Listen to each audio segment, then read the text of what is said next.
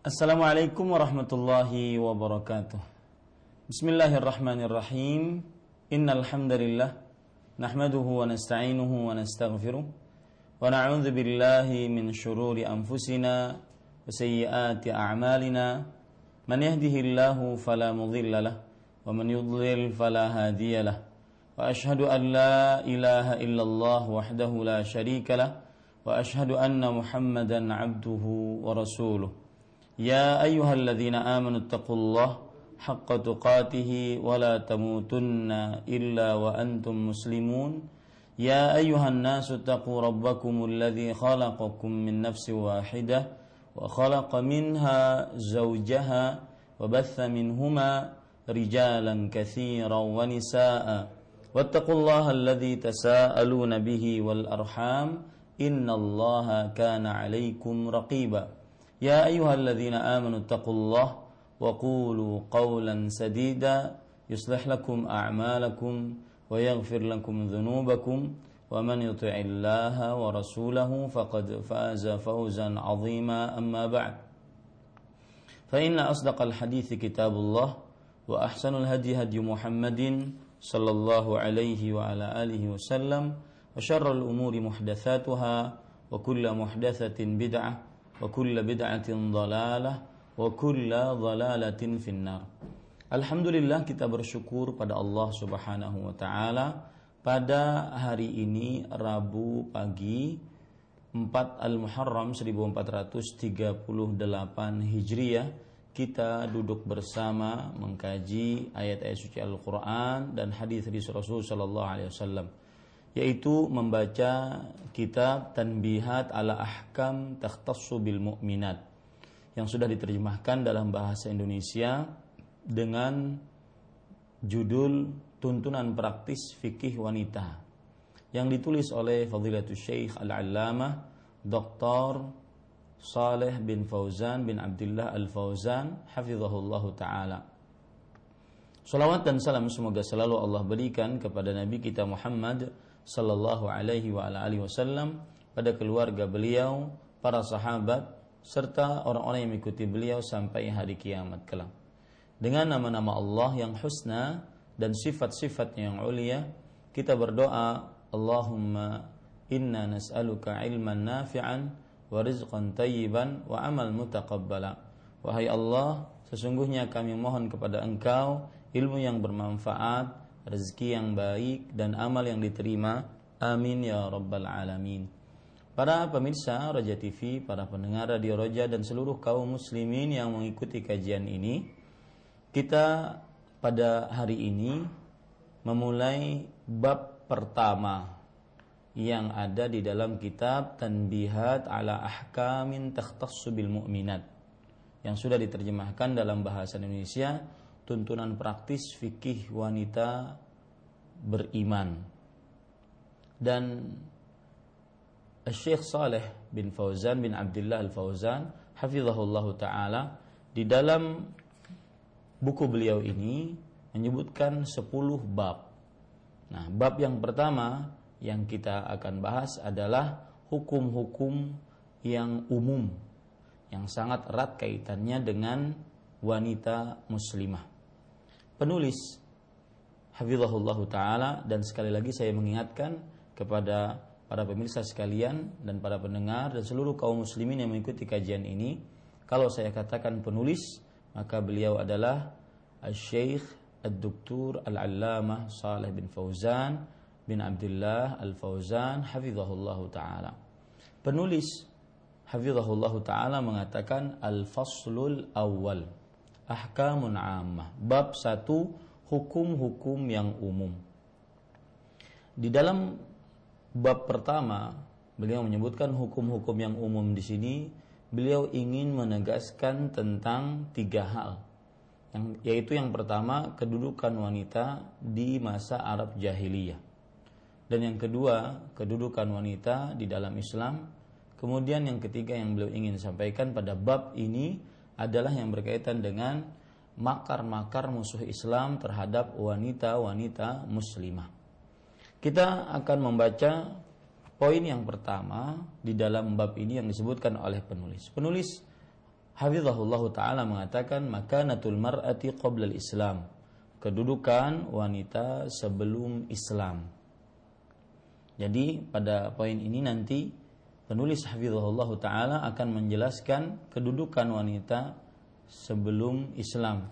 Bagaimana uh, orang-orang sebelum Islam baik itu kaum yang lebih beliau tekankan adalah kaum Arab jahiliyah bagaimana memperlakukan wanita dan kemudian setelah itu baru beliau menjelaskan tentang kedudukan wanita dalam agama Islam sehingga terlihat sekali bedanya nanti kita akan membahas beliau mengatakan wa yuradu bima qabla al-islam asrul jahiliyati allati kana ya'ishuha al-arabu bisifatin khassah.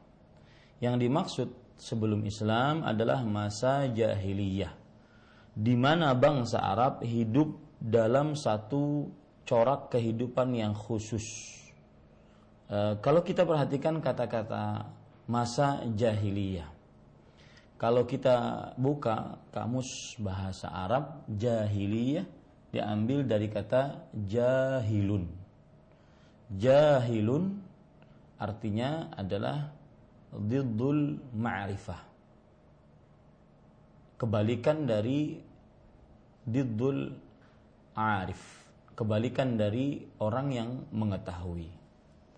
Apabila jahilun diberikan ya padanya yang disebut dengan ya nisbah yaitu ya penyandaran menjadi jahiliyun maka ini maksudnya adalah periode sejarah sebelum Islam.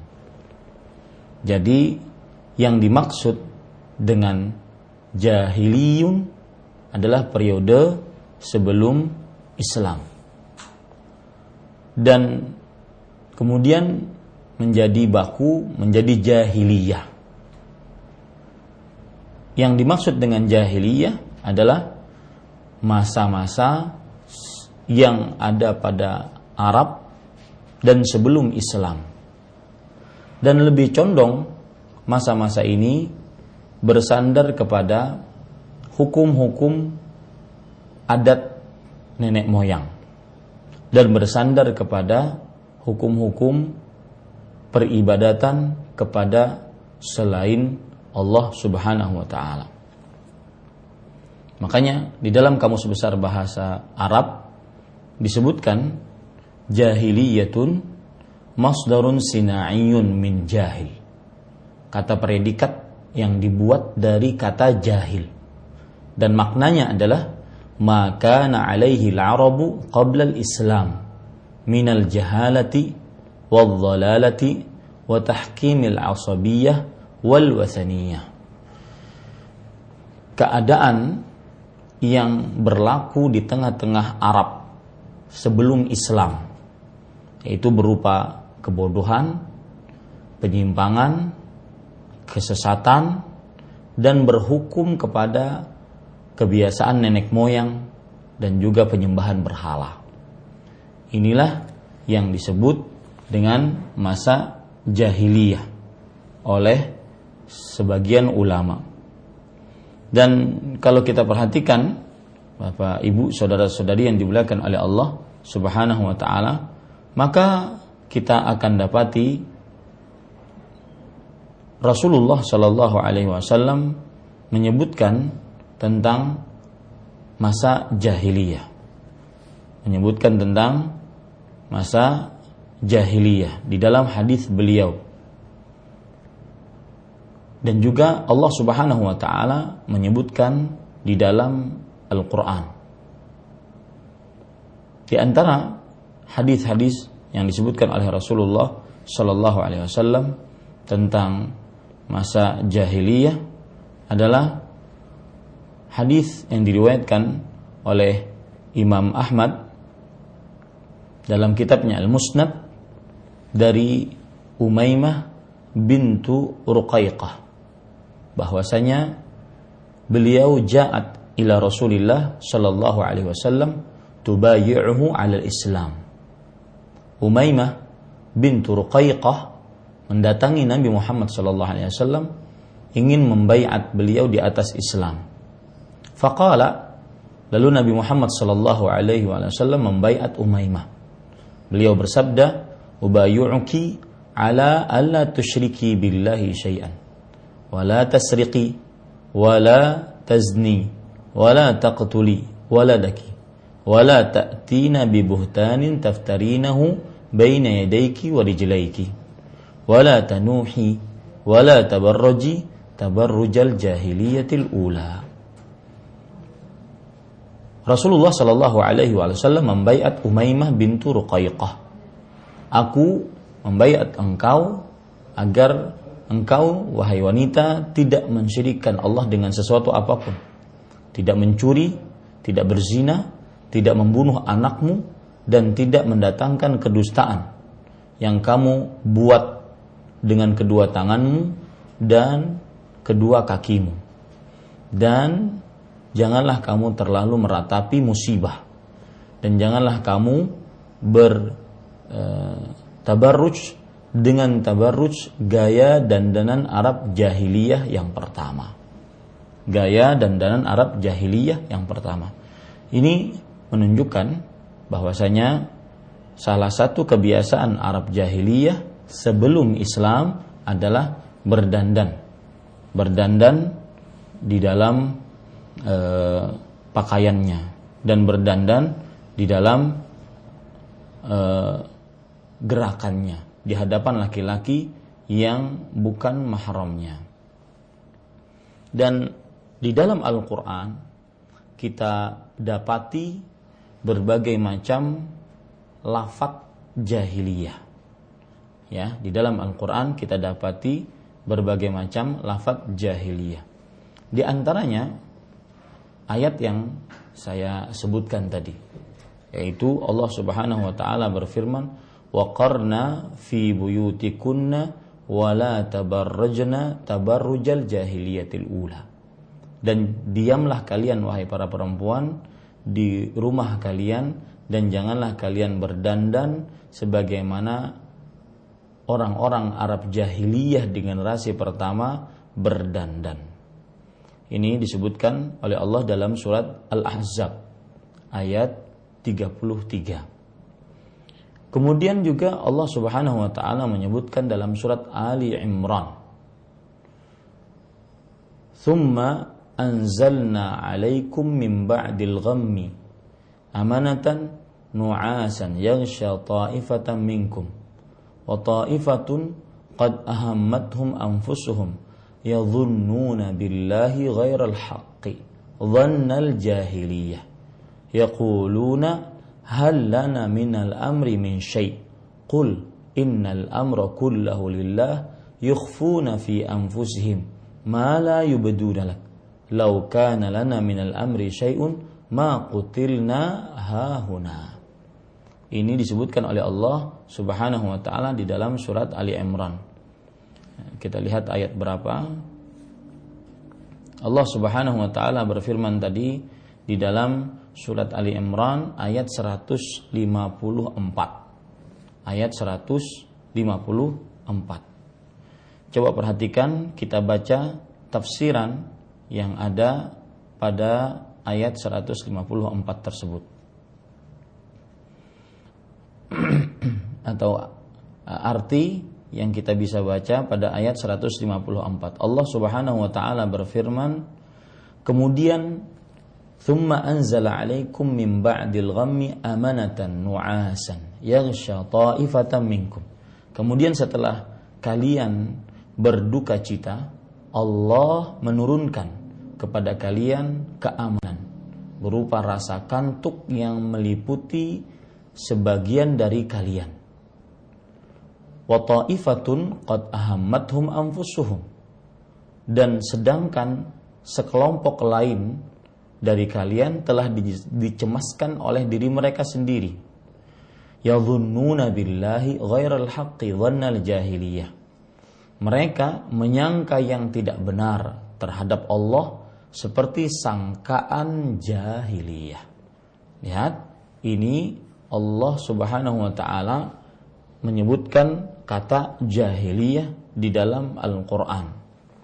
Dan uh, para ahli tafsir mengatakan bahwa kaum jahiliyah yang dimaksud pada ayat ini adalah kaum dari ahli kesyirikan yang mengerjakan kepada mengerjakan kesyirikan kepada Allah Subhanahu wa taala. Ini menunjukkan bahwasanya masa jahiliyah adalah masa sebelum Islam yang bersandar kepada kesyirikan. Kemudian Allah Subhanahu wa taala berfirman di dalam Al-Qur'an tentang jahiliyah juga yaitu salam surat Al-Maidah ayat 50. Afa hukmal jahiliyati yabghun wa man ahsanu minallahi hukman liqaumin yuqinun. Artinya, apakah hukum adat jahiliyah kalian mencari dan siapakah yang lebih baik dari Allah hukum bagi orang-orang yang yakin. Ini Allah Subhanahu wa taala sebutkan kata jahiliyah menunjukkan bahwasanya mereka eh, apa jahiliyah yang dimaksud di sini adalah yaitu kaum Yahudi yang mereka tidak mau mengambil hukum Allah Subhanahu wa taala. Imam Ibnu Katsir rahimahullahu taala berkata, "Yunkiru ta'ala ala man kharaja an hukmillahil muhkam al-mustamili ala kulli khairin an-nahi an kulli syarrin wa adlin." Allah Subhanahu wa taala pada ayat ini mengingkari terhadap siapa saja yang keluar dari hukum Allah yang tetap yang mana hukum tersebut mencakup setiap kebaikan dan mencegah setiap kemungkaran. Dan hukum tersebut adalah hukum yang adil. Ila ma siwahu minal ara wal ahwa wal istilahat allati wada'aha ar-rijal bila musnanadin min syari'atillah. Kama kana ahlul jahiliyati yahkumuna min ad-dalalat wal jahalat mimma yasna'unaha bi ara'ihim wa ahwa'ihim.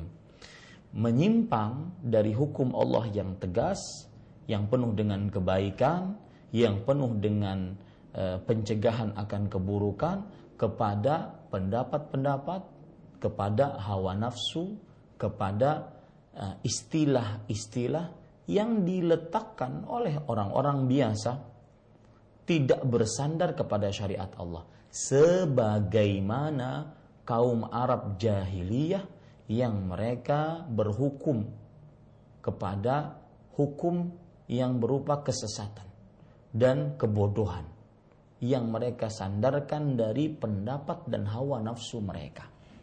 Ini kita bisa ambil pelajaran kata yang ketiga di dalam Al-Quran, kata jahiliyah menunjukkan bahwasanya bersandar kepada keburukan hawa nafsu dan juga pendapat yang menyimpang dari agama.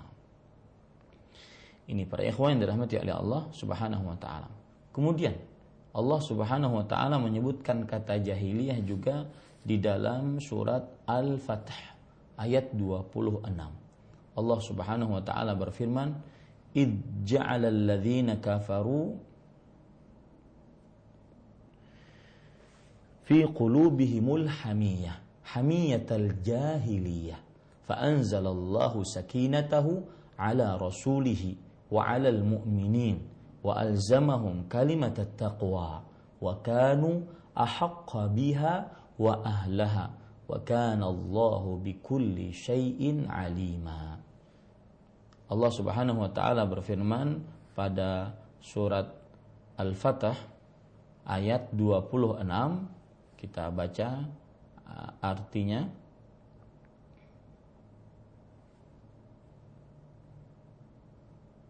dan ingatlah ketika orang-orang kafir menanam dalam hati mereka kesombongan, yaitu kesombongan ala jahiliyah.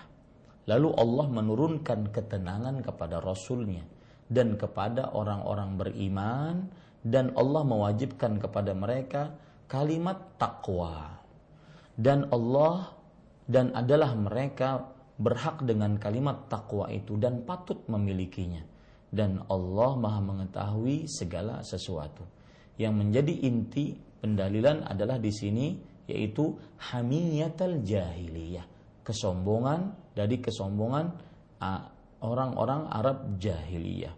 Ayat ini yang mulia ini di dalam surat Al-Fatah yang membicarakan tentang uh, perjanjian Hudaybiyah dan apa yang terjadi kepada orang-orang beriman pada perjanjian tersebut. Maka Allah Subhanahu wa taala mengingatkan tentang kebiasaan kaum jahiliyah yaitu orang-orang yang kafir senantiasa mereka masuk ke dalam hati mereka rasa sombong yaitu ketika eh, perjanjian Hudaybiyah ya mereka menghilangkan ucapan Bismillahirrahmanirrahim di dalam perjanjian Hudaybiyah. Mereka juga menghilangkan ucapan atau yang tertulis uh, Rasulullah Sallallahu Alaihi Wasallam. Dan hal itu memberatkan kaum muslimin. Hal itu memberatkan kaum muslimin. Yang jelas orang-orang musyrik pada saat itu mereka menyombongkan diri dengan kesombongan yang ada pada kaum jahiliyah. Ini menunjukkan salah satu sifat buruk kaum jahiliyah sombong dengan kabilah, sombong dengan kelompok dan itu tidak ada dalam agama Islam. Inilah para ikhwan yang dirahmati oleh Allah Subhanahu wa taala empat ayat yang menyebutkan kata al-jahiliyah dalam Al-Qur'an tadi yaitu dhannul jahiliyah, sangkaan Arab jahiliyah, hukmul jahiliyah, yang kedua berhukum kepada hukum jahiliyah, yang ketiga tabarrujul jahiliyah, berdandan ala wanita jahiliyah, hamiyatul jahiliyah, kesombongan fanatisme ala jahiliyah. Maka para ikhwan yang dirahmati oleh Allah, kalau kita perhatikan kepada empat kata ini dan digandengkan dengan jahiliyah menunjukkan bahwasanya sifat-sifat uh, kaum jahiliyah tidak lepas dari empat perkara ini. Ya tidak lepas dari empat perkara ini. Yaitu mereka bersandar dengan sangkaan jahiliyah yang mana kebiasaan orang-orang jahiliyah menyangka Allah Subhanahu wa taala dengan sangkaan yang buruk. Menyangka Allah dengan sangkaan yang buruk. Kemudian yang kedua hukum jahiliyah yang mana menunjukkan bahwasanya mereka senantiasa bersandar kepada hukum-hukum yang bukan datang dari Allah. Bukan datang dari Allah dan Rasulnya tetapi dari hawa nafsu dan juga dari uh, pendapat, saran, logika yang mereka punyai. Kemudian di sana ada dandanan jahiliyah. Dandanan jahiliyah yaitu mereka kebiasaan orang-orang Arab jahiliyah berdandan dengan dandanan jahiliyah yang mana memperlihatkan aurat mereka. Yang keempat yaitu fanatisme ala jahiliyah. Ini adalah hal-hal yang berkaitan dengan jahiliyah. Prasangka yang buruk terhadap Allah, berhukum tidak kepada hukum Allah, kemudian berdandan menyelisihi apa yang diperintahkan oleh Allah. Yang keempat yaitu uh, uh, fanatisme terhadap kelompok yang bertentangan dengan hukum Allah Subhanahu wa taala. Ini kira-kira sudah menjadi lengkap pengetahuan kita tentang jahiliyah. Kembali kita ke permasalahan tadi bahwa yang dimaksud dengan jahiliyah sebagaimana yang sudah saya sebutkan tadi adalah jahiliyah sebelum sesuatu periode sebelum datangnya Islam yang mana bersandar kepada kebodohan, bersandar kepada penyimpangan, kesesatan yang didasari atau bersumber dari pendapat dan hawa nafsu belaka. Itulah Arab jahiliyah. Kembali kita ke permasalahan kita. Penulis Hafizahullah taala mengatakan wa yuradu bima qabla al-islam asrul jahiliyah allati kana ya'ishuha al-arabu bi sifatin khassah. Yang dimaksud sebelum Islam adalah masa jahiliyah di mana bangsa Arab hidup dalam satu corak jahili satu corak kehidupan yang khusus ya. Wa ya'ishuha ahlul ardi bi sifatin ammah. Sedangkan kehidupan penduduk buminya bumi lainnya berbeda secara umum. Haitsu kana nasu fi fatratin minar rusul wa durusin minas subul. Karena mereka berada dalam masa fatrah dalam masa tenggang dengan tidak sampainya kepada mereka ajaran para rasul. Dan mereka berada di atas ajaran-ajaran dari sumber-sumber yang lain maka para ikhwan yang dirahmati oleh Allah kenapa kaum jahiliyah senantiasa sangat menyimpang dari ajaran para rasul sebelum mereka. Karena masa jahiliyah adalah masa tenggang antara para rasul dengan diutusnya nabi nanti Nabi Muhammad sallallahu alaihi wa ala alihi wasallam. Di sana ada terdapat masa tenggang antara Rasulullah sallallahu alaihi wasallam dengan Nabi Isa. Ya, dengan Nabi Isa kalau kita perhatikan buku-buku sejarah maka kita akan dapati bahwasanya uh, ada atau tidak pernah ada nabi-nabi selain Nabi Isa eh, setelah Nabi Isa kepada Nabi Muhammad Shallallahu Alaihi wa ala alihi Wasallam. Coba perhatikan ada sebuah hadis yang diriwayatkan oleh Imam Bukhari dan Muslim Nabi Muhammad sallallahu alaihi wasallam bersabda, "Ana aulan nasi bibni Maryam wal anbiya auladu allat wa laysa baini wa bainahu nabiyyun." Aku adalah orang yang paling utama untuk mengikuti Isa bin Maryam, yaitu Nabi Isa. Dan para nabi adalah anak-anak sepaman. Wale dan tidak ada antara di aku dengan beliau seorang nabi pun. Ini menunjukkan bahwasanya memang benar bahwa uh, ada masa fatrah itu yang menyebabkan manusia uh, masuk ke dalam peradaban jahiliyah. Masa fatrah jauh dari agama, tidak ada yang mengingatkan kepada kebenaran, tidak ada yang mengingatkan tentang keburukan. Dan para ikhwan yang dirahmati oleh Allah kemudian penulis mengatakan nadhara Allah ilaihim kama jaa fil hadis famaqatahum arabahum wa ajamahum illa baqaya min ahli kitab. Allah Subhanahu wa taala telah memperlihatkan keadaan mereka dalam firman-Nya sebagaimana pula telah diceritakan dalam hadis perlakuan mereka yang sangat buruk baik dari bangsa Arab ataupun non-Arab terkecuali beberapa kelompok dalam dari ahlul kitab. Perhatikan hadis yang dimaksud oleh penulis di sini adalah yaitu hadis yang berkenaan dengan masa fatrah. Kita baca hadisnya dalam riwayat Imam Muslim ya. Dan saya memohon dimaklumi cara belajar kita ya seperti ini.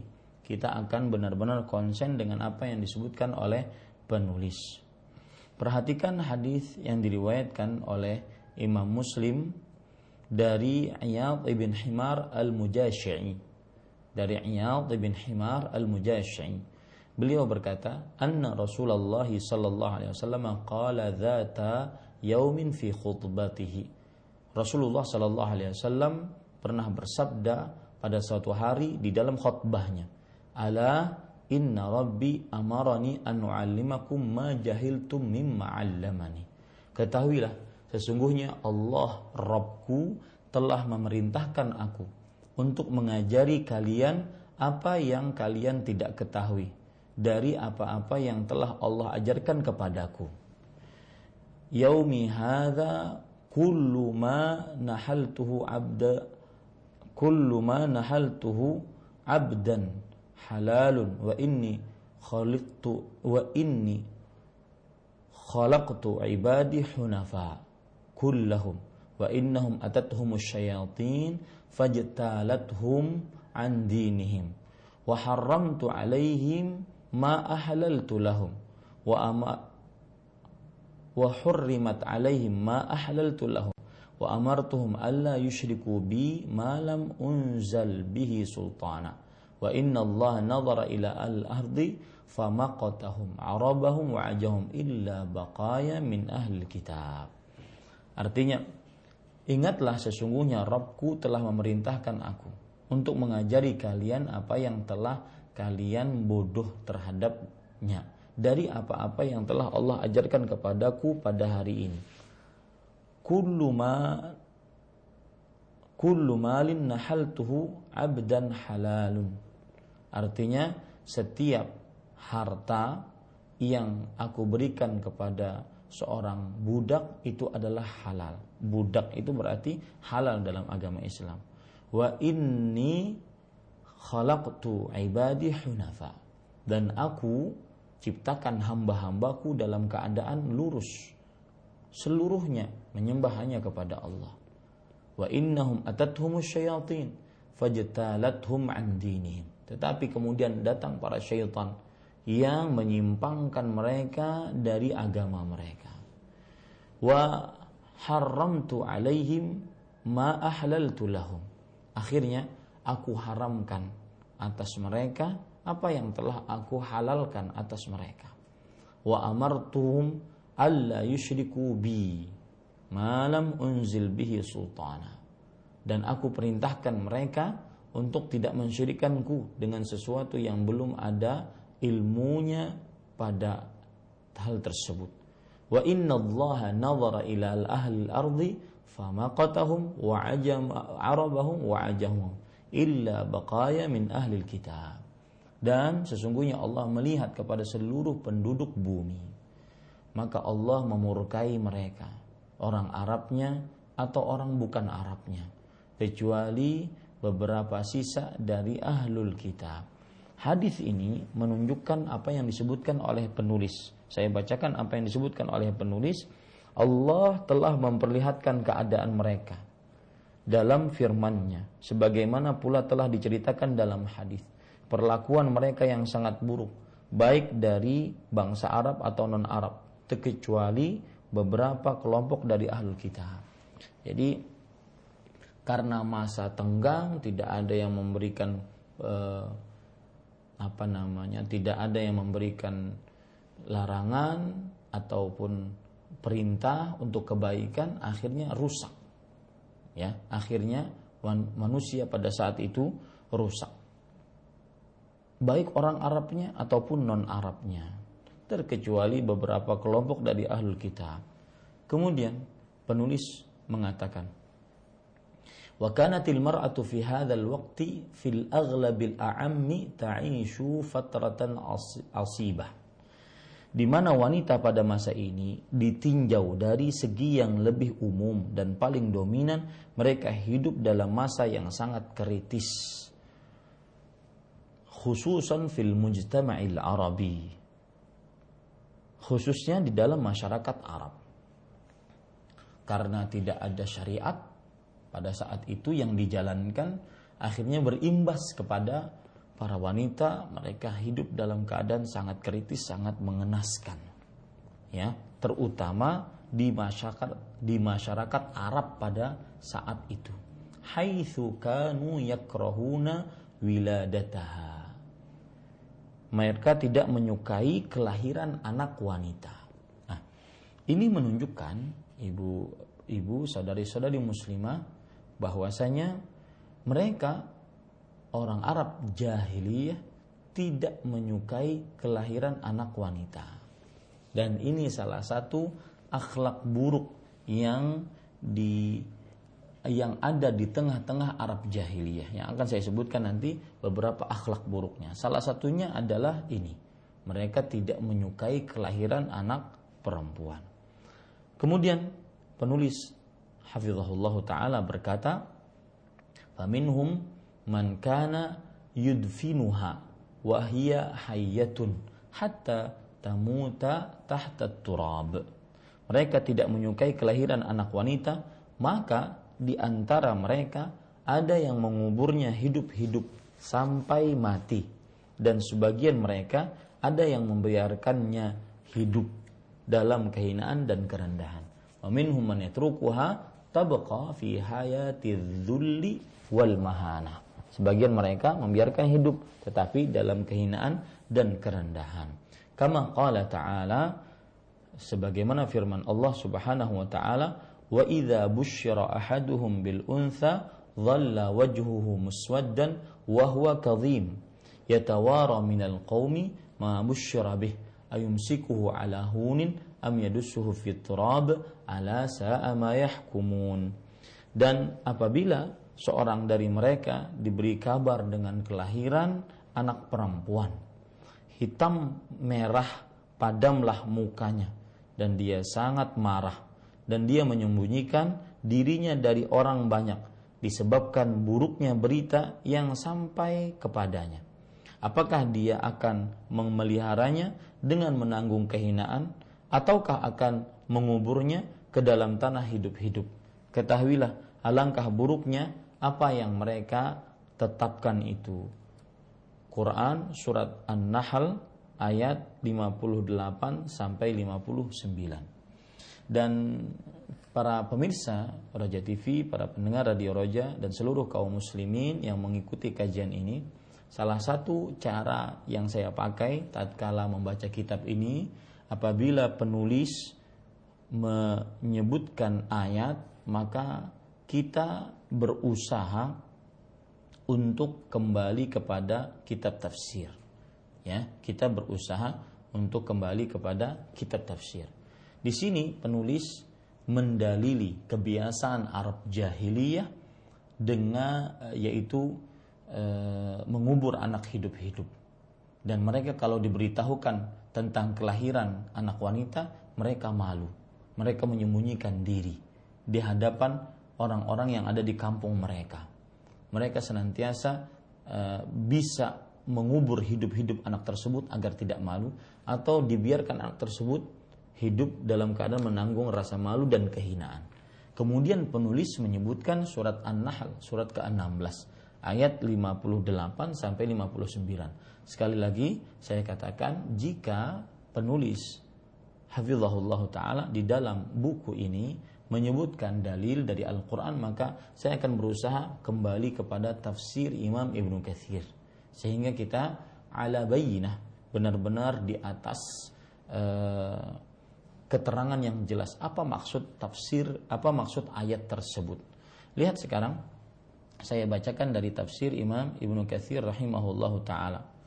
Bahwasanya Allah Subhanahu wa taala menyebutkan wa idza busyira ahaduhum bil untha dhalla wajhuhu muswaddan wa huwa kadhim Kata Imam Ibnu Katsir rahimahullah taala, yukhbiru ta'ala an qabaihil musyrikin alladzina abadu ma'a ma'allahi ghairihi minal asnam wal awthan wal andad.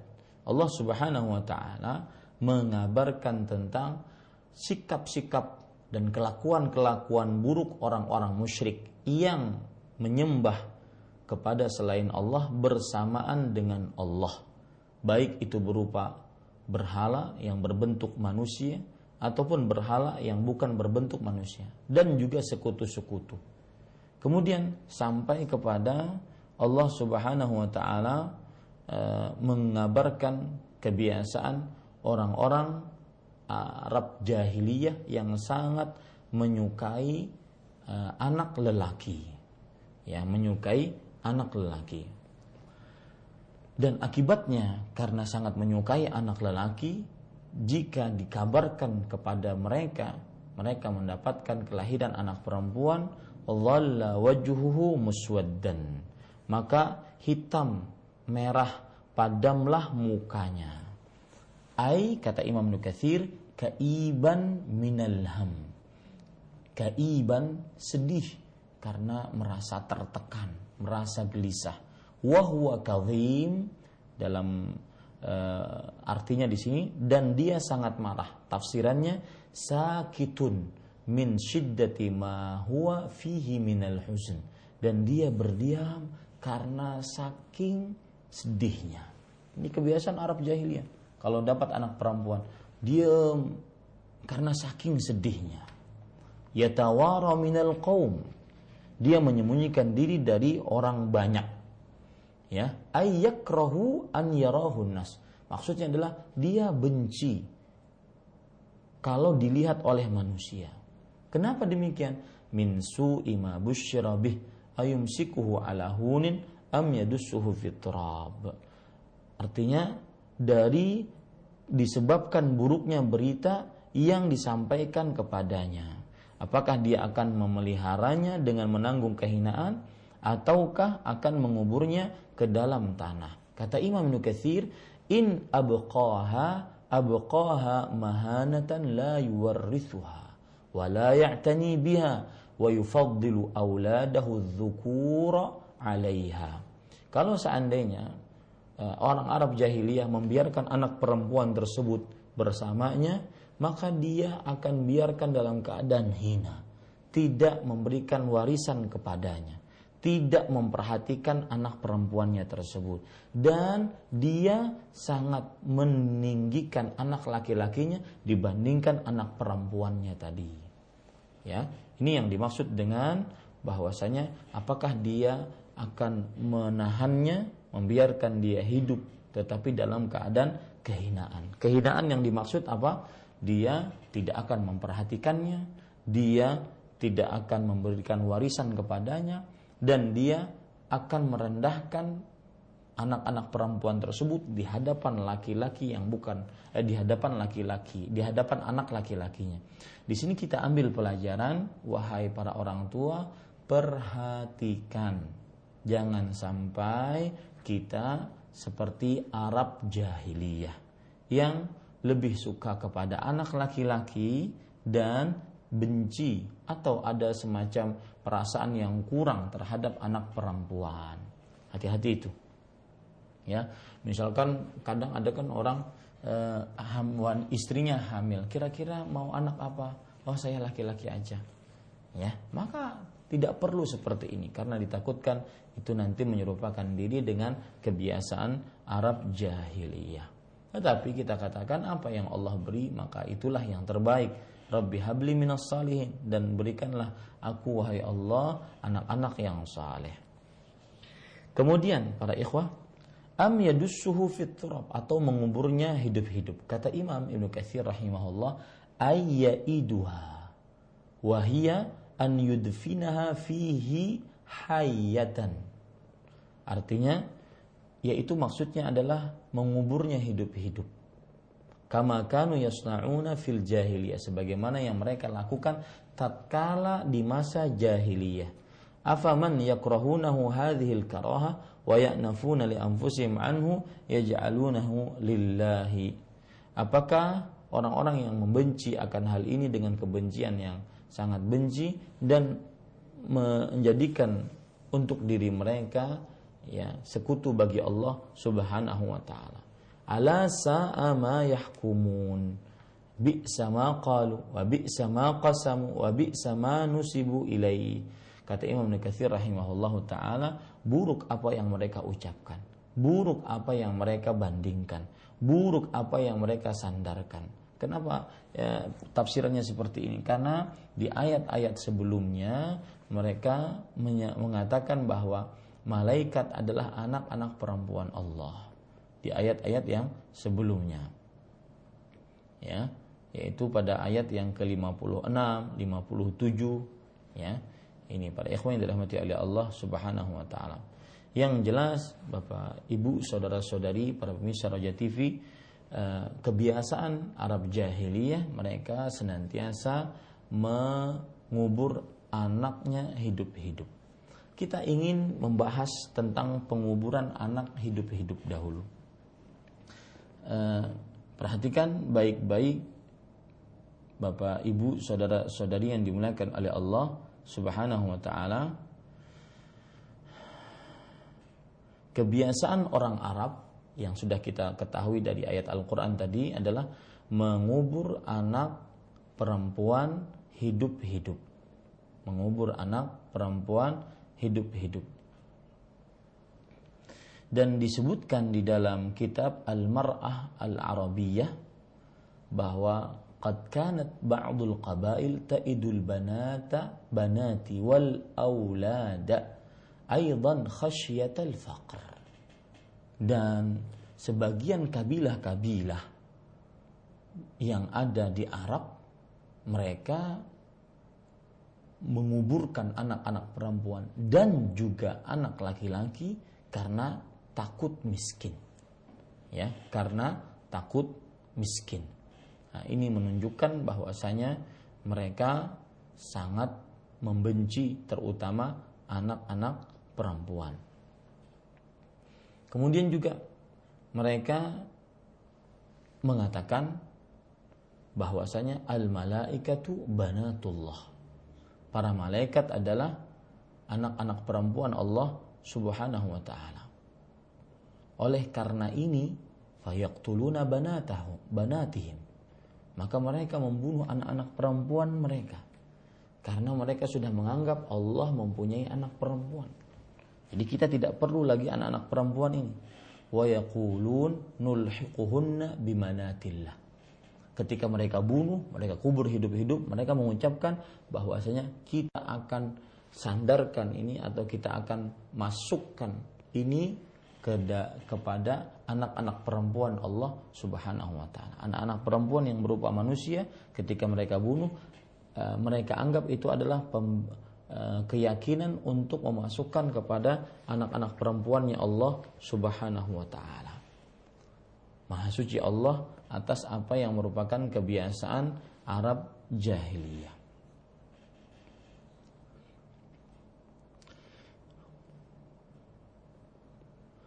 Para ikhwah yang dirahmati oleh Allah Subhanahu wa taala, kalau kita perhatikan sekarang e, beberapa riwayat dan beberapa cerita tentang menguburkan anak, ya. Saya ambilkan di dalam beberapa kitab. Di antaranya disebutkan oleh Imam As-Suyuti dalam kitab Ad-Durul Manthur bahwa wa kana ar-rajulu yashtaritu 'ala imra'atihi annaki ta'iddina jariyatan wa tastahyina ukhra bahwasanya seorang lelaki memberikan syarat kepada istrinya bahwa kalau keluar anak perempuan maka kamu wahai istriku harus mengubur anak itu hidup-hidup dan kalau seandainya ada anak yang lain perempuan kamu malu untuk memiliki anak perempuan tersebut ini adalah syarat yang diajukan oleh eh, lelaki Arab jahiliyah terhadap istrinya. Faida kanatil mar faida kanatil jariyatul lati uh, tu'ad ghada min indi ahlihi auraha. Kalau seandainya uh, budak perempuan tersebut yang dikubur hidup-hidup maka dia dijauhkan dari keluarganya jauhkan dari keluarganya anta uh, wa qala anti alayya ka ummi in raja'tu ilaiki wa lam ta'iddiha jadi ada seorang istri kemudian melahirkan seorang anak perempuan maka sang suami mengatakan kepada istrinya kamu telah melahirkan anak perempuan kamu bawa anak perempuan ini kepada keluargamu dan kamu kubur.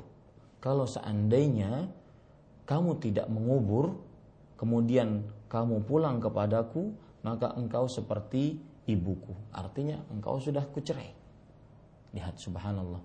Kasihan sekali seorang istri yang melahirkan anak perempuan. Fatursilu ila niswatiha fayahfirna laha hufratan fayatadawalunaha bainahunna فإذا بصرنا به مقبلا دسسناها في حفرتها وسويناها عليها التراب Kemudian para ikhwan yang dirahmati oleh Allah, bayi yang perempuan ini diberikan kepada uh, istri-istrinya. Lalu sang istri tersebut menggali lubang untuk mengubur si bayi ini. Lalu sang istri tersebut bergantian memegang anak perempuan yang bayi tadi. kalau seandainya uh, seluruh istri tersebut sudah melihat si anak perempuan ini, maka kemudian dimasukkan ke dalam e, kubur tersebut dan kemudian setelah itu diuruk dengan tanah dan akhirnya mereka injak-injak dan matilah anak perempuan tersebut di dalam lubang yang sudah disediakan tadi. Ini para ikhwan yang dirahmati oleh Allah Subhanahu wa taala. Ini menunjukkan bagaimana buruknya sikap Arab jahiliyah kepada uh, para wanita di zaman jahiliyah. Dan itu adalah salah satu akhlak buruk yaitu mengubur anak-anak perempuan. Kemudian juga disebutkan di dalam uh, para sejarah orang Arab وكانوا في بعض الأحيان يئدون البنات بقسوة نادرة فقد يتأخر وعد الموؤودة لسفر الوالد وشغله فلا يئدها إلا وقد كبرت وصارت تعقل وكان بعضهم يلقي الأنثى من شاهق سبحان الله bahkan kadang-kadang terjadi penguburan anak-anak perempuan yang sudah dewasa ini menunjukkan hati mereka sangat keras dan sangat keji. Bagaimana ceritanya? Kadang-kadang anak perempuan ini terlambat untuk dikuburkan. Kalau masih bayi, ya, eh, itu kan tidak terlalu maksudnya anak perempuannya tidak bayi perempuan tersebut tidak terlalu banyak menangis. Kadang-kadang bayi perempuan ini sudah besar, sudah uh, mumayyiz. Kenapa? Karena suaminya bersafar, bersafarnya lama. Baru datang safar, baru melihat ini ada anak perempuan. Anak perempuannya sudah besar, sudah bisa berpikir. Ya, maka akhirnya anak perempuan tersebut dilempar dari atas gunung. Ya, dilempar dari atas gunung ini menunjukkan para ikhwan yang dirahmati oleh Allah Subhanahu wa taala eh, bagaimana buruknya kebiasaan Arab jahiliyah. Jadi meskipun sudah dewasa, sudah besar, kemudian eh, kepala keluarga sang laki-laki itu baru pulang dan mendapati anak perempuan di rumahnya, maka tetap dibunuh. Jadi ketika Allah berfirman wa idzal mau'udatu su'ilat dan jika anak-anak yang terlahir perempuan itu yang dikubur itu ditanya di hari kiamat. Maksudnya anak-anak perempuan tersebut bukan hanya bayi saja, tetapi anak yang sudah besar, yang sudah bisa berpikir. Kalau seandainya baru ketahuan bahwasanya dia mendapati anak perempuan, maka langsung dibunuh dengan cara dilempar dari atas gunung. Subhanallah. Kemudian juga para ikhwan yang dirahmati oleh Allah Subhanahu wa taala disebutkan di dalam tatimma kitab Tatimmatu Adwa'il Bayan bahwa diriwayatkan anna Umar radhiyallahu anhu qal bahwa Umar radhiyallahu anhu berkata amrani fil jahiliyah ahaduhuma yabkini wal akharu yudhikuni dua perkara dari masa jahiliyah kata Umar bin Khattab. Salah satunya membuatku menangis dan salah satunya membuatku tertawa Amma alladhi yubkini faqad dhahabtu bibnatin li liwa'diha fakuntu ahfiru laha al-hufrah. Adapun yang membuat aku menangis adalah aku telah membawa anak perempuanku untuk menguburnya hidup-hidup dan aku yang membuat lubang untuknya. Watan fudut turab ala lihyati dan debu-debu menempel pada jenggotku. Wahya la tadri madza uridu laha. Padahal anak perempuan ini belum tahu apa yang aku inginkan untuk kulakukan kepadanya. Faida tadzakkartu bakaitu. Kalau seandainya aku mengingat akan hal itu, maka aku pun menangis. Wal ukhra kuntu asna'u ilahan minat tamar. Dan yang kedua yang membuatku aku tertawa, aku membuat berhala dari kurma. Wa adahu inda ra'si yahrusuni lailan dan aku letakkan berhala tersebut di sisi kepalaku, menjagaku di malam hari. Fa idza asbahtu mu'afa akaltuhu kalau seandainya aku bangun pagi dalam keadaan sehat walafiat tidak ada keburukan, aku pun makan berhala tersebut. Tuhannya dimakan. Faida tadzakkartu dzalik dhahiktu min nafsi. Kalau aku ingat akan hal itu, maka aku uh, tertawa terhadap diriku sendiri.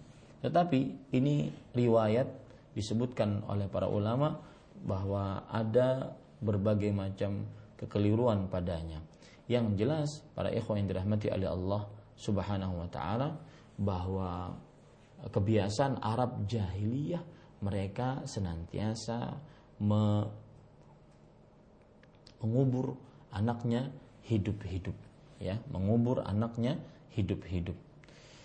Ada riwayat yang lain, perhatikan yaitu yang disebutkan di dalam kitab Al-Isabah fi Tamyiz Sahabah dari An-Nu'man ibn Bashir radhiyallahu an.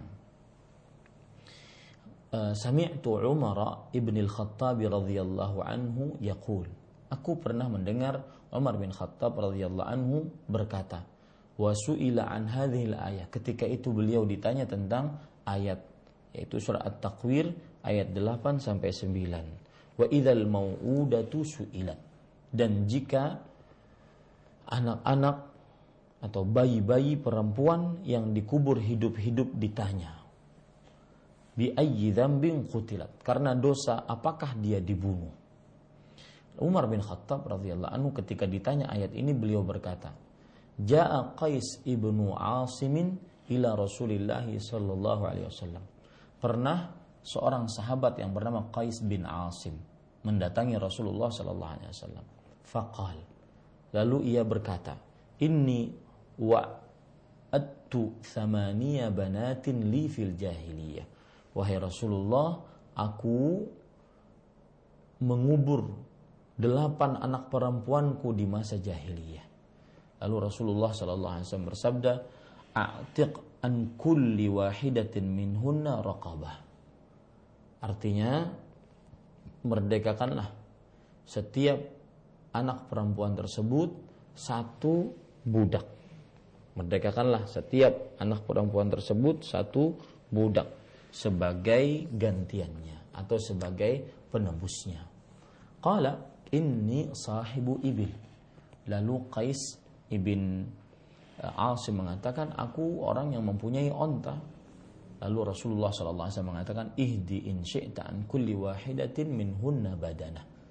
Kalau begitu dan jika kamu menghendakinya maka setiap onta membayar atas setiap anak yang engkau telah kubur tersebut ya yang telah engkau kubur tersebut. Ini bagaimana e, beratnya bahayanya mengubur anak. Dan itu merupakan kebiasaan Arab jahiliyah. Para ikhwah dirahmati oleh Allah kita kembali kepada apa yang disebutkan oleh penulis. Penulis rahimahullah afidhahullah taala mengatakan wa qala ta'ala wa idzal mau'udatu su'ilat bi ayyi dzambin qutilat. Dan Allah Subhanahu wa taala berfirman yaitu dalil yang kedua yang menunjukkan bahwasanya kebiasaan Arab jahiliyah mereka senantiasa mempunyai kelakuan buruk mengubur anak-anak perempuan hidup-hidup Wa idzal mau'udatu su'ilat bi ayyi qutilat. Apabila bayi-bayi perempuan yang dikubur hidup-hidup ditanya karena dosa apakah dia dibunuh? Ya. E, kita baca tafsir Imam Nukathir sebagaimana yang sudah saya sebutkan tadi bahwa setiap ada ayat kita berusaha untuk kembali kepada uh, ayat yang disebutkan uh, kepada tafsir dan tafsir yang kita pilih adalah tafsir Imam Nukathir. Surat At-Takwir surat 81 ayat yang ke-8 sampai 9. Perhatikan Allah Subhanahu wa taala eh, berfirman wa idzal mau'udatu su'ilat bi ayyi dzambin qutilat. Dan jika bayi-bayi perempuan yang dikubur hidup-hidup ditanya. Maksudnya ditanya adalah di hari kiamat. Ya, maksudnya ditanya adalah di hari kiamat. Kita baca dari tafsir Imam Nukathir rahimahullahu taala. Wa qawluhu wa idzal mau'udatu su'ilat bi ayyi dzambin qutilat. Dan firman Allah Subhanahu wa taala yang berbunyi dan bayi-bayi perempuan yang dikubur hidup-hidup ditanya karena dosa apakah dia dibunuh hakadha qiraatul jumhur su'ilat demikianlah mayoritas para ulama membaca su'ilat yaitu ditanya.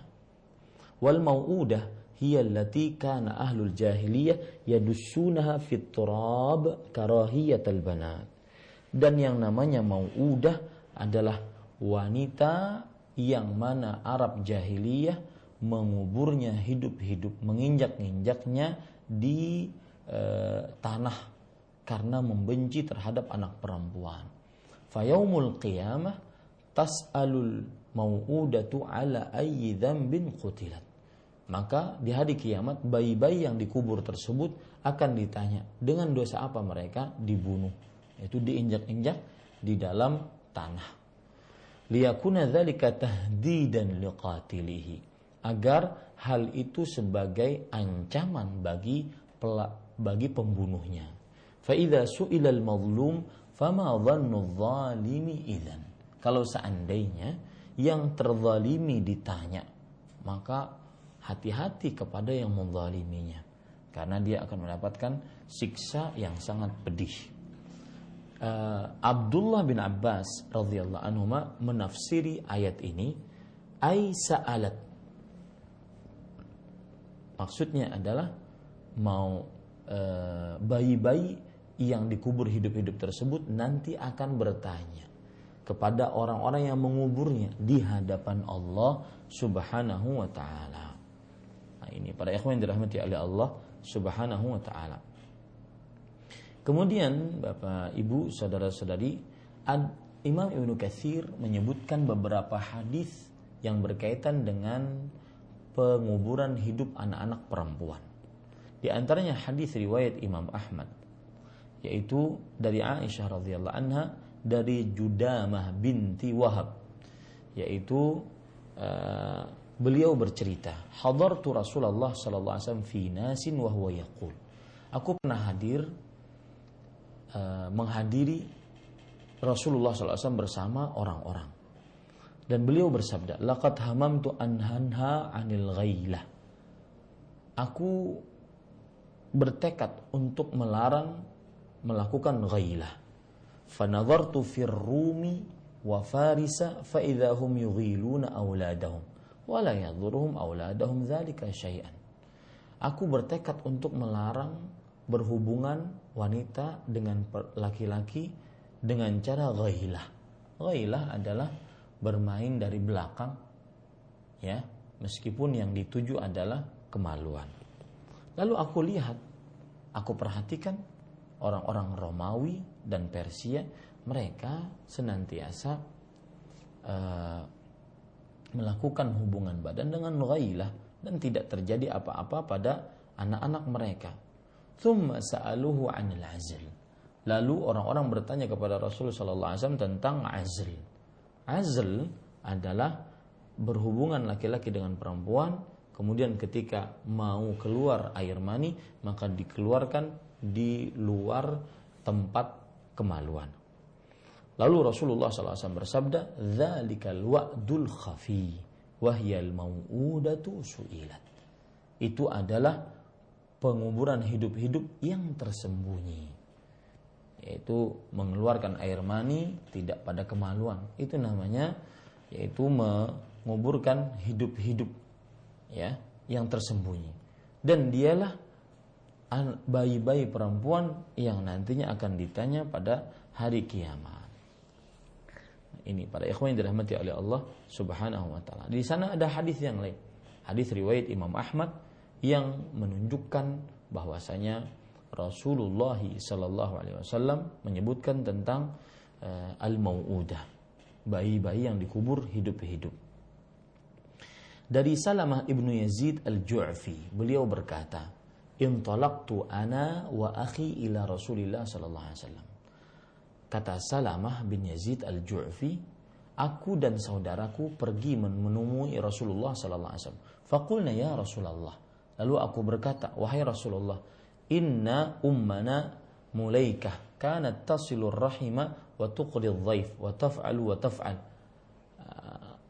wa taf'alu halakat fil jahiliyah fahal dzalika nafi'uha syai'an wahai Rasulullah sesungguhnya ibu kami mulaikah pas pas masa hidup dia dia menyambung silaturahim memuliakan tamu mengerjakan kebaikan mengerjakan kebaikan kemudian dia mati dalam belum masuk dalam agama Islam apakah perbuatan-perbuatan kebaikannya tersebut bermanfaat untuknya di akhirat Lalu Rasulullah sallallahu alaihi wasallam menjawab, "La, tidak."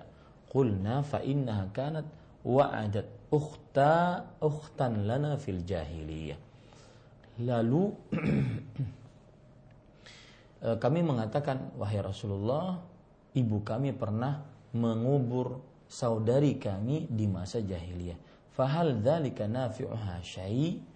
Apakah itu bermanfaat untuknya di hari kiamat?" Rasulullah SAW mengatakan al-waidatu wal mau'udatu finnar. Uh, ibu yang menguburkan bayinya hidup-hidup dan bayinya hidup-hidup di dalam bayinya yang dikuburkan hidup-hidup di dalam neraka. Illa an yudrakal waidatu al-islam. Kecuali ibu yang menguburkan hidup-hidup tersebut masuk dalam agama Islam. Faya'fuwallahu anha. Maka Allah Subhanahu wa taala akan memaafkan mereka. Nah, ini para ikhwan yang dirahmati oleh Allah Subhanahu wa taala. Tetapi ada penjelasan di dalam hadis riwayat Imam Ahmad bahwa al-mau'udatu fil jannah bayi yang dikubur hidup-hidup itu di dalam surga. Jadi ini tambahan penjelasan. Yang jelas begitulah kebiasaan Arab jahiliyah. Mereka senantiasa mengubur anaknya hidup-hidup ya. Mengubur anaknya hidup-hidup. Dan para ikhwah yang dirahmati oleh Allah Subhanahu wa taala saking buruknya Arab jahiliyah mengubur anaknya hidup-hidup mereka mempunyai seni dalam penguburan anak hidup-hidup. Ya mereka mempunyai seni dalam penguburan anaknya hidup-hidup. Seperti misalkan Eh, kalau ada seorang anak lelaki kemudian sang ibu ingin mengubur anak perempuannya hidup-hidup. Maka anak lelaki ini mengatakan tayyibiha wa zayyiniha hatta adhaba biha ila ahmaiha. Wahai fulan wahai fulana uh, berilah minyak wangi kepada bayi perempuan tersebut. Kemudian hiasilah bayi perempuan tersebut sampai aku bisa membawa bayi perempuan ini kepada keluarga-keluarganya. Waktu hafar alaha bi'ran fis sahara. Padahal orang tua laki-lakinya sudah membuat uh, kuburan di padang pasir. Fayablughu bihal bi'r fayaqulu laha unzuri fiha thumma yadfa'uha min khalfiha wa yuhilu 'alayha turaba hatta tastawi al-bi'ru bil ardi lalu setelah digali sampai kepada sumur saking dalamnya. Lalu ternyata si anak perempuan ini sudah mengerti kata sang bapak coba lihat ke dalam sumur. Unzuri fiha. Lihat ke dalam sumur. Kemudian bapaknya mendorong anak perempuan tersebut. Kemudian setelah itu dia langsung menguruk tanah dan akhirnya sumur tadi sam, se, apa, sejajar dengan tanah. Ini cara seni orang Arab jahiliyah mengubur anak-anak wanita hidup-hidup. Wa minhum man kanat idza qarubat imra'atuh min al-wad' hafara hufratan litatahamma litatamakkhadha ala ra'sil bi'r fa idza waladat bintan ramat biha fil hufrah wa in waladat ibnan habasathu ini cara yang kedua yaitu bahwasanya seorang di hari Arab jahiliyah jika istrinya mau melahirkan maka dia membuat lubang ya yang ada di eh, kepala sumur. Lalu lubang ini sumur, kemudian ada lubang yang menuju kepada sumur. Nah, apabila sang istri ini melahirkan anak perempuan, langsung dilemparkan ke dalam sumur tersebut. Subhanallah. Dan apabila di melahirkan anak istri ini melahirkan anak laki-laki, maka eh, anak laki-laki tersebut ditahan, tidak dimasukkan ke dalam sumur. Ini para ikhwan yang dirahmati oleh Allah Subhanahu wa taala. Makanya Allah berfirman dalam surat Al-An'am ayat 137, "Wa kadzalika zayyana likatsirin minal musyrikin qatla auladihim syuraka'uhum liyurduhum wa liyalbisu alaihim dinahum walau sya'allahu ma fa'alu fadharhum wa ma yaftarun." Surat Ali Imran ayat 137. Coba kita lihat tafsirannya. Allah Subhanahu wa taala berfirman di dalam surat Ali Imran ayat 137 tadi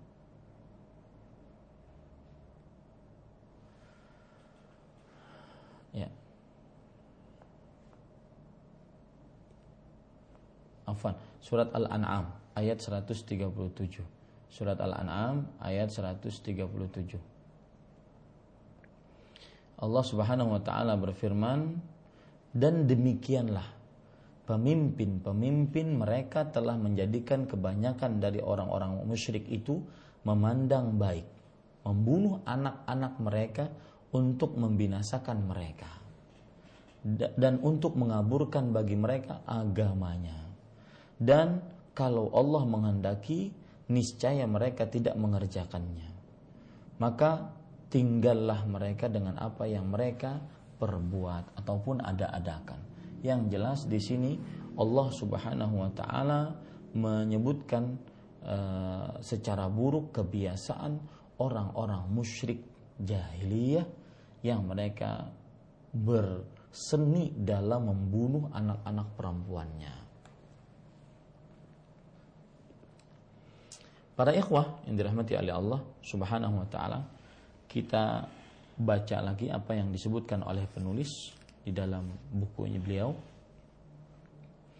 Beliau mengatakan wal mau'udah hiyal bintu tudfanu hayyat, hayyatan hatta tamuta tahta turab. Al mau'udah adalah uh, anak wanita yang dikubur hidup-hidup.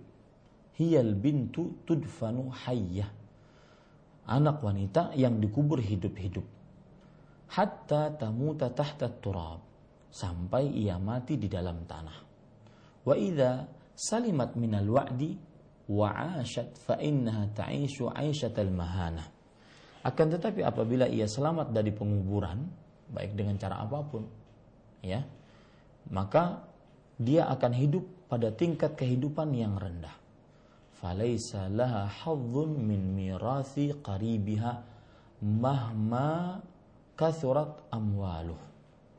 Maka kata penulis hafizahullah taala ia tidak akan mendapati hak waris dari harta peninggalan keluarganya walaupun harta peninggalan tersebut sangat banyak nah ini nanti kita akan bahas tentang perlakuan Arab jahiliyah kepada wanita dalam perihal harta.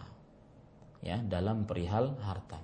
Dan ini juga pembahasan yang panjang karena waktu yang sudah mau habis, maka tadi saya ingin meringkas apa yang sudah kita jelaskan bahwasanya pada hari ini kita akhirnya tahu kebiasaan Arab jahiliyah yang mana mereka adalah me mengubur anak perempuan mereka hidup-hidup mengubur anak perempuan mereka hidup-hidup. Dan di kesempatan kali ini juga kita sudah membahas tentang uh, apa makna jahiliyah dan bagaimana Al-Quran menyebutkan tentang jahiliyah? Sudah saya sebutkan tadi. Kemudian juga kebiasaan orang-orang Arab jahiliyah salah satu kebiasaan buruk mereka adalah wa'dul banat mengubur anak-anak perempuan hidup-hidup. Baik itu bayi perempuan baik itu anak-anak wanita perempuan yang sudah gadis. Kemudian sudah kita sebutkan bagaimana kebiasaan orang Arab jahiliyah ketika mendapati kabar bahwa mereka mendapati uh, mendapati anak perempuan atau kelahiran anak perempuan. Kita sudah jelaskan juga tadi bagaimana seni orang-orang Arab jahiliyah atau boleh dikatakan sif macam-macam kebiasaan orang-orang Arab jahiliyah tatkala membunuh atau mengubur hidup-hidup anak perempuannya. Ini kira-kira yang bisa kita sampaikan pada kesempatan kali ini. Dan pada kesempatan yang akan datang kita akan membahas tentang bagaimana anak perempuan di masa jahiliyah mereka itu dihinakan melalui tidak mendapatkan harta waris. Bahkan mereka dijadikan sebagai harta waris. Ini bab yang pertama yang yang sudah kita bicarakan. Saya kembalikan Eh, kepada pembawa acara akhi Ari hafizahullah taala wallahu alam. Naam.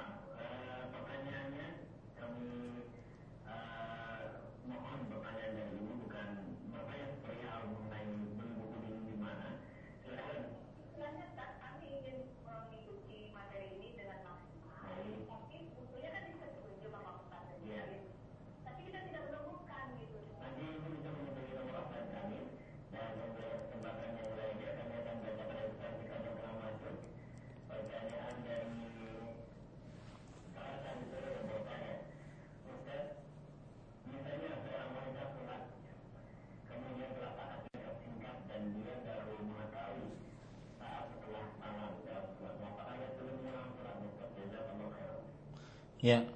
Bismillah, walhamdulillah, wassalatu wassalamu ala rasulillah Para pemirsa yang dirahmati oleh Allah subhanahu wa ta'ala uh, Untuk uh, kedua telapak kaki bagi wanita di dalam sholatnya Maka terjadi perbedaan pendapat di antara para ulama Terjadi perbedaan pendapat di antara para ulama. wallahu alam pendapat yang benar adalah wanita yang merdeka yang telah balik dan berakal wajib bagi mereka untuk menutup seluruh badannya di dalam sholat kecuali wajah dan kedua telapak tangannya karena seluruh badan mereka adalah aurat kecuali yang dikecualikan tadi kalau seandainya dia wanita ini sholat dan terlihat dari salah satu auratnya seperti lengan, betis, kepala, atau sebagiannya, maka tidak sah sholatnya. Berdasarkan hadis Rasul Shallallahu Alaihi Wasallam, riwayat Imam Ahmad dan Abu Daud, Tirmidzi, Nasai, uh, Tirmidzi dan Ibnu Majah, Nabi Muhammad Shallallahu Alaihi Wasallam bersabda, لا يقبل الله صلاة حائض illa bi khimar. Allah Subhanahu wa taala tidak menerima salat seseorang yang sudah dalam keadaan haid kecuali dengan menutup rambut kepalanya. Dan juga berdasarkan hadis riwayat Imam Abu Daud dari Ummu Salamah radhiyallahu anha bahwa Nabi Muhammad sallallahu alaihi wasallam ditanya oleh Ummu Salamah tentang wanita yang sholat memakai baju kurung dan juga penutup kepala tapi tidak memakai sarung. Tetapi tidak memakai sarung. Maka Rasulullah Shallallahu Alaihi Wasallam bersabda al mar'atu aurah. Wanita itu adalah aurat. Maka para ikhwan yang dirahmati oleh Allah Subhanahu wa taala berdasarkan akan hal ini bahwa menutup kedua telapak kaki adalah hukumnya wajib bagi wanita dan ini pendapat jumhur. Kalau seandainya dia sholat, kemudian setelah itu dia baru tahu bahwa kedua telapak kakinya terbuka, maka apakah sah sholatnya? Kalau seandainya dia tidak tahu kedua telapak kakinya terbuka dan tidak tertutup dengan pakaiannya ataupun dengan kaos kakinya, maka pada saat itu dia dimaafkan. Wallahu a'lam. Nah.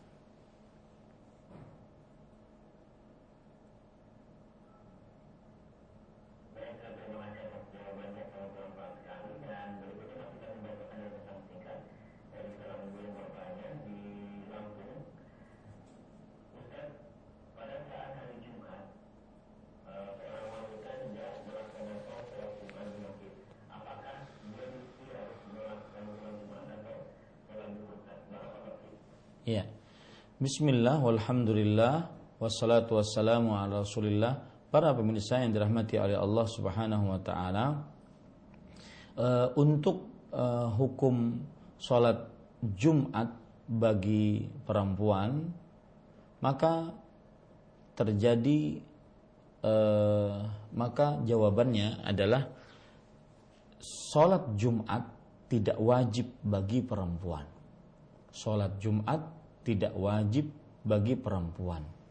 Lihat hadis yang diriwayatkan oleh Imam Abu Daud dari Tariq ibn Shihab radhiyallahu an. Nabi Muhammad sallallahu alaihi wasallam bersabda, "Al jumu'atu haqqun wajibun ala kulli muslimin." Salat Jumat adalah kewajiban atas setiap muslim fi jamaah kecuali eh, saya ulangi di dalam atau dilakukan secara berjamaah. Illa arba'ah. Kecuali untuk empat orang. Abdun mamluk budak yang sahaya awim imra'atun wanita aw sabiyun atau bayi anak-anak yang belum balik au maridun atau orang yang sakit. Para ikhwah yang dirahmati oleh Allah Subhanahu wa taala, hadis ini sahih disahihkan oleh Ibnu Rajab, Ibnu Katsir dan Imam Albani rahimahullahu taala. Maka seorang wanita hukumnya dengan berdasarkan dalil ini tidak wajib untuk mengerjakan sholat Jumat. Bahkan Ibnul Munzir dalam kitab beliau Al-Ijma' mengatakan ittafaqa ahlul ilm anna al jum'ati la tajibu 'ala nisa. Para ulama bersepakat bahwa sholat Jumat tidak wajib atas para wanita. Wa annaha yusallina fi buyutihinna dhuhra dan bahwasanya mereka para wanita mengerjakan sholat sholat di rumah-rumah mereka sholat zuhur arba'an yaumal jum'ah empat rakaat eh, pada hari Jumat. Para ulama menjelaskan apa hikmah kenapa perempuan tidak diwajibkan untuk mengerjakan sholat Jumat bersama kaum muslimin. Di antaranya adalah bahwa syariat menginginkan agar para perempuan tidak hadir di perkumpulan-perkumpulan para lelaki dan tempat-tempat berkumpul para lelaki. Disebabkan karena bisa mendatangkan perkara-perkara yang akibatnya tidak diharapkan. Sebagaimana yang terjadi pada keadaan-keadaan kontemporer di zaman sekarang terkumpulnya laki-laki dan perempuan. Coba perhatikan uh, Imam Ibnul Munzir rahimahullahu taala mengatakan wa ajma'u ala annahunna in hadarna al-imam fasallayna ma'ahu anna dzalika yujzi anhunna. Tapi perlu diingat bahwa kalau wanita tetap memaksakan dirinya untuk sholat berjamaah bersama imam, maka itu sudah sah dan gugur kewajiban dari sholat zuhurnya. Ini para ikhwan yang dirahmati oleh Allah subhanahu wa ta'ala. Jadi yang ingin saya ucapkan adalah bahwa hikmah seorang wanita dilarang untuk pergi sholat Jumat karena agar tidak terkumpul dengan laki-laki di tempat berkumpulnya para lelaki yang banyak karena para lelaki yang diwajibkan untuk mengerjakan sholat Jumat. Tetapi jika perempuan tersebut dia ingin sholat Jumat bersama imam di tempat yang khusus dan juga e, me, me, berpakaian sesuai dengan syariat Islam, maka itu sudah mencukupi atasnya. Tetapi rumah-rumah mereka lebih baik. Wallahu alam. Nah.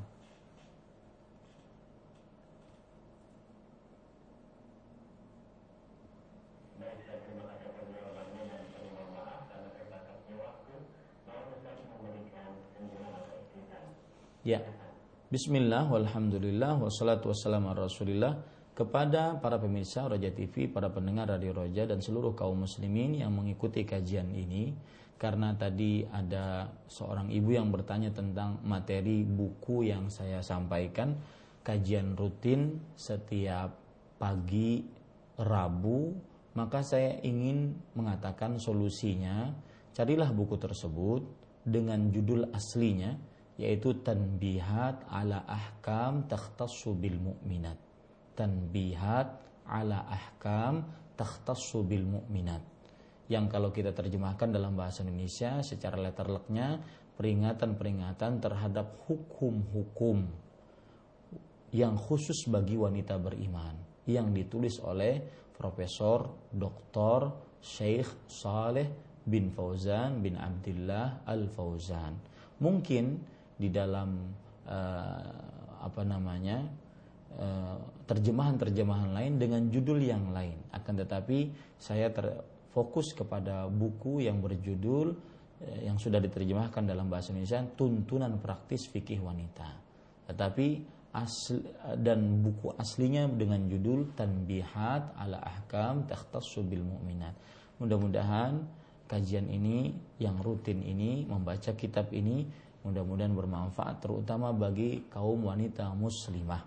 Demikian dan pada kesempatan kali ini kita sudah membahas tentang hukum-hukum umum yang pertama kedudukan wanita sebelum Islam. Ternyata kita mendapati bagaimana wanita sebelum Islam yang disebut dengan jahiliyah dan apa saja yang sudah disebutkan jahiliyah di dalam Al-Qur'an, kemudian juga bagaimana orang-orang Arab jahiliyah mereka memperlakukan wanita dengan cara mengubur anak-anak bayi perempuan ataupun anak-anak dewasa perempuan dengan berbagai macam cara.